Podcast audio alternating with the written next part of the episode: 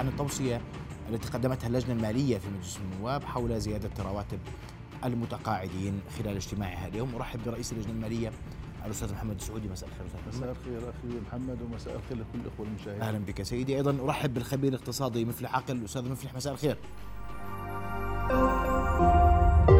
رؤيا بودكاست. مساء النور.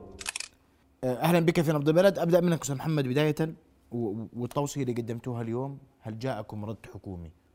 وأنا أبدأ أحكي لك إياها بصراحة. نعم. قدمتوا التوصية. أول رد فعل من وين؟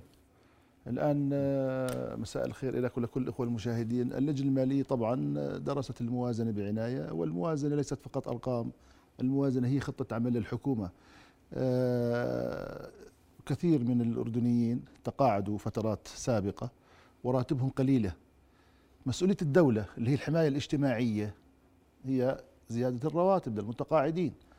يعني أسمع أنا أنه في ناس راتبه أقل من 200 دينار وفي ناس أقل من 250 وفي ناس أقل من 300 دينار. التوصية من اللجنة المالية كانت بسبب ارتفاع أسعار السلع والخدمات العشر سنوات الماضية ما صار في زيادات أثرت على آه، المتقاعدين والعاملين برواتب أقل من 300 دينار. فكان توصية اللجنة المالية أنه إذا شخص تقاعده أقل من 200 دينار نزيده 50 دينار. إذا شخص وعددهم قديش بده يكون يعني. وإذا شخص تقاعده أقل من 250 نزيده 25 دينار. وإذا شخص متقاعد أو عامل راتبه أقل من 300 دينار نزيده 15 دينار. هلأ إحنا اليوم طلبنا الحكومة تعطينا الأثر المالي لهذه الزيادة على الموازنة. م. هذا واجب الحكومة عندما يعدوا أي موازنة بالعالم معروف يعني المعايير الدولية إنه في عندنا الصحة التعليم و و و الحماية الاجتماعية، الحماية الاجتماعية اللي هي التقاعد والرواتب. فالحكومة الآن مسؤوليتها تورجينا من وين؟ ومسؤوليتها تعطي الأثر المالي. أنا برأيي في أماكن كثيرة وفي تشوهات وخلل في الموازنة بتقدر الحكومة بسهولة إنها تلاقي هذا المبلغ. ممكن أحكي لك خلال الحلقة يعني. طيب. يعني راح أسمع منك أنت كيف ممكن توفره لأنه نعم. أنا أنا قلت لك العبارة الأولى كانت من وين؟ من وين؟ الموازنه مديونة. و2 مليار آه، مديونية فيها. ممكن تجيبوا كمان زيادة رواتب أسمع راي الخبير الاقتصادي اسامه في العقل في هذا الموضوع. وهل من الممكن توفير زيادات للرواتب في الموازنة؟ اولا يعني عندما بدنا نتخذ قرار مالي ناخذ بالاعتبار يعني بالتأكيد هي حالة المواطنين و أوضاعهم و آه، يعني مستوى الحياتي للمستوى المعيشي وارتفاع الأسعار. لا شك إنه هذا هو مبرر لتحسين أوضاعهم. لكن إحنا في الأردن عندنا وضع مختلف كليا. وضع يعني ميزانيتنا تنوء بالأعباء مما يجعل أي زيادات أخرى آه، لا أي نفقات تؤدي إلى نتائج سلبية كبيرة، هذاك اليوم ارتفعت المحروقات النواب طلبوا إنه الحكومة تتحمل النتيجة آه، تحملتها. آه، في عندك أنت عندك إعباء كورونا والساعات العمل الضائعة والتكاليف اللي عم تتحملها الموازنة. ثانيا عندك الدعم المباشر للكثير من العائلات وأعتقد من ضمن هذا الدعم المباشر الذي يقدم لبعض العائلات منهم أصحاب الرواتب المنخفضة. فأنا باعتقادي انه وضع الموازنة لا يستطيع أو لا لا يقدر على تحمل مزيد من الأعباء. طبعا التعاطف مع هذول الأفراد اصحاب الدخول المحدود الكل بيتعاطف معهم. ولكن بدنا نتعاطف إحنا مع ميزانية البلد والوضع الاقتصادي آه، العام. وبعدين أنت مين قال لك إنه هذول كلهم بيعيشوا على الراتب التقاعدي؟ بتلاقي لك إياهم بيشتغلوا أشغال أعمال حرة بيشتغلوا بال بالصناعة بالتجارة بموارد أخرى عندهم عندهم أفراد في العائلة عاملين. فلذلك أنا باعتقادي إنه هذه الزيادة ستؤثر على التكاليف أو الاعباء الموازنة. وبعتقد إنه أنت لما بتحكي عن هذه الفئة بتحكي لك عن عن 200 عن 100000 150 ألف واحد. تكاليفهم هذه بالسنة راح تكون لها 50 60 مليون مليون دينار. كل هذا بالآخر راح يصب في زيادة المديونية والمديونية اللي بنعاني منها وبنعاني من أعبائها. بالإضافة إلى هذا راح أنت هلأ السنة إحنا عندنا جدول الديون واقتراض آه، لتسديد اقتراض سابق. عندنا حوالي سبعة وسبعة آه، مليار دينار أردني. هذه سترتفع الفوائد عليها السنة هذه لأنه ارتفاع الفوائد في العالم كلها أعباء. يعني ما في داعي إن نرهق الموازنة بمزيد من الأعباء.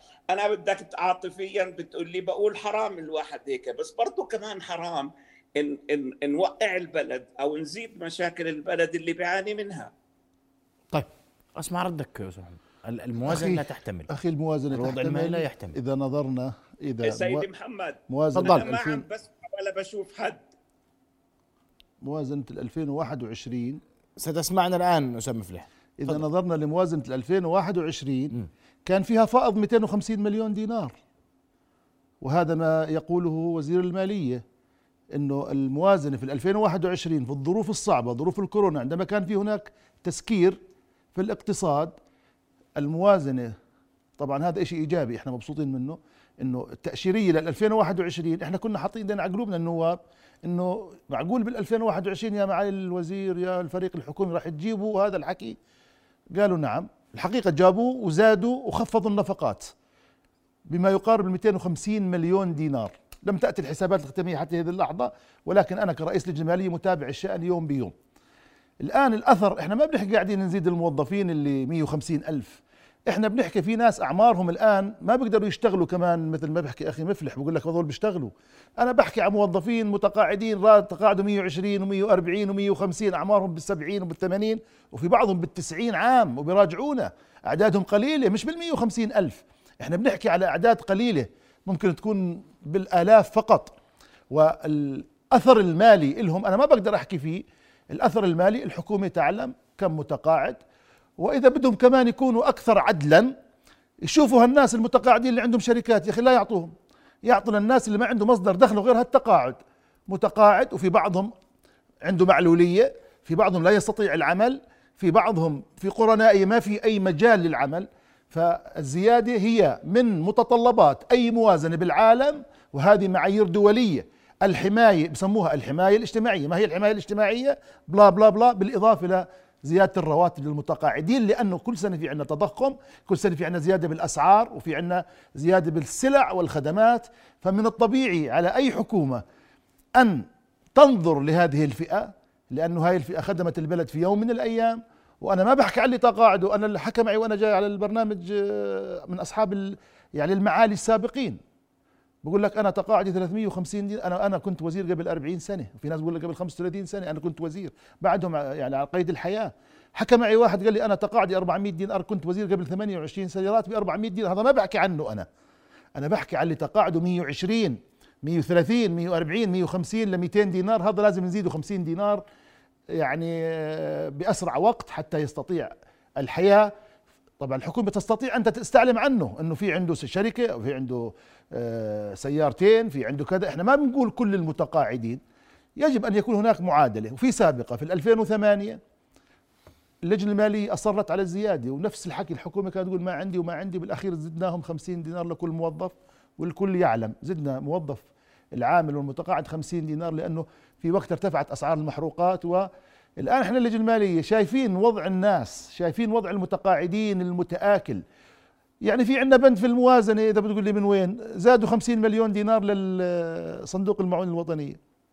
أنت قديش فكرك الأثر المالي للزيادات؟ أنا ما بقدر أحكي فيه الآن لأنه أنا طلبت من الحكومة. إحنا وقفنا الموازنة الآن حتى يعطونا جواب. إنه كم هو الأثر المالي للزيادة؟ اللي راتبه أقل من 200 أقل من 250 وأقل من 300 من المتقاعدين وكم أعدادهم؟ أنا برأيي إنه اعدادهم مش كثيرة. يعني ممكن يكون الأثر المالي 15 ل 20 مليون دينار فقط. باخذهم من المعون الوطني يعني قاعدين باخذوا 250 مليون. إحنا زدناهم 50 مليون هذا العام. يعني المسؤولية الاجتماعية للصندوق المعون الوطني رفعناه من 200 ل 250 تقريبا مليون. والآن آه، يعني شايفين إحنا الوضع شايفين إنه البلد بلشت تفتح إن شاء الله. يعني من هون لشهرين زمان الكل متوقع الأمور تكون أفضل. يوجد في الموازنة تشوهات كبيرة مكافئات الموظفين يعني في بند المكافآت يعني في بعض المؤسسات عندنا معدل الراتب فيها 1500 دينار وبياخذوا مكافآت. وشو سووا؟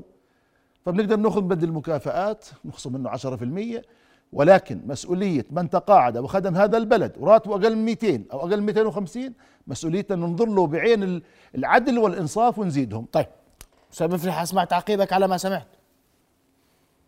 يعني أنا موضوع المعونة الوطنية هو آه، باعتقادي أحد السبل اللي بتدعم فيها المواطنين وأعتقد إنه عدد من هؤلاء الأشخاص اللي أشار إليهم الأخ سعودي آه، يستفيدون بطريقة مباشرة أو طريقة آه، غير مباشرة. أما بالنسبة للأعداد فباعتقادي إنه مش بالآلاف أنا اعتقادي إنه بتجاوز ال ألف لأنه إذا اطلعت على رواتب الضمان الاجتماعي اللي عدد متقاعدينه 250 ألف آه، شخص هدول يعني كثير منهم أو حتى يمكن 50 40% منهم رواتبهم بتقل عن الحد اللي تفضلت آه، فيه. فهذه مشكلة أنا باعتقادي إنه عملية أنا مش ضد تحسين أوضاع الناس. أنا ضد يعني زيادة العبء على الموازنة. يا أخي يا سيد سعودي الآن مديونيتنا صارت 36 مليون. آخر السنة بتصير 38 مليون. مليار تتذكر مليار. لما قالوا إنه بدهم يعيدوا آه، يعني آه، هيكلة القطاع الحكومي وقالوا بتكلف 80 مليون دينار؟ كلفتنا 400 مليون والآن إحنا عم ندفع ثمنها. يعني إحنا يعني إحنا المواطن يعني آه، ما بتقدر أنت تأمن له كل اللي بده إياه منك أنت كحكومة على المواطن إنه يجد يعمل.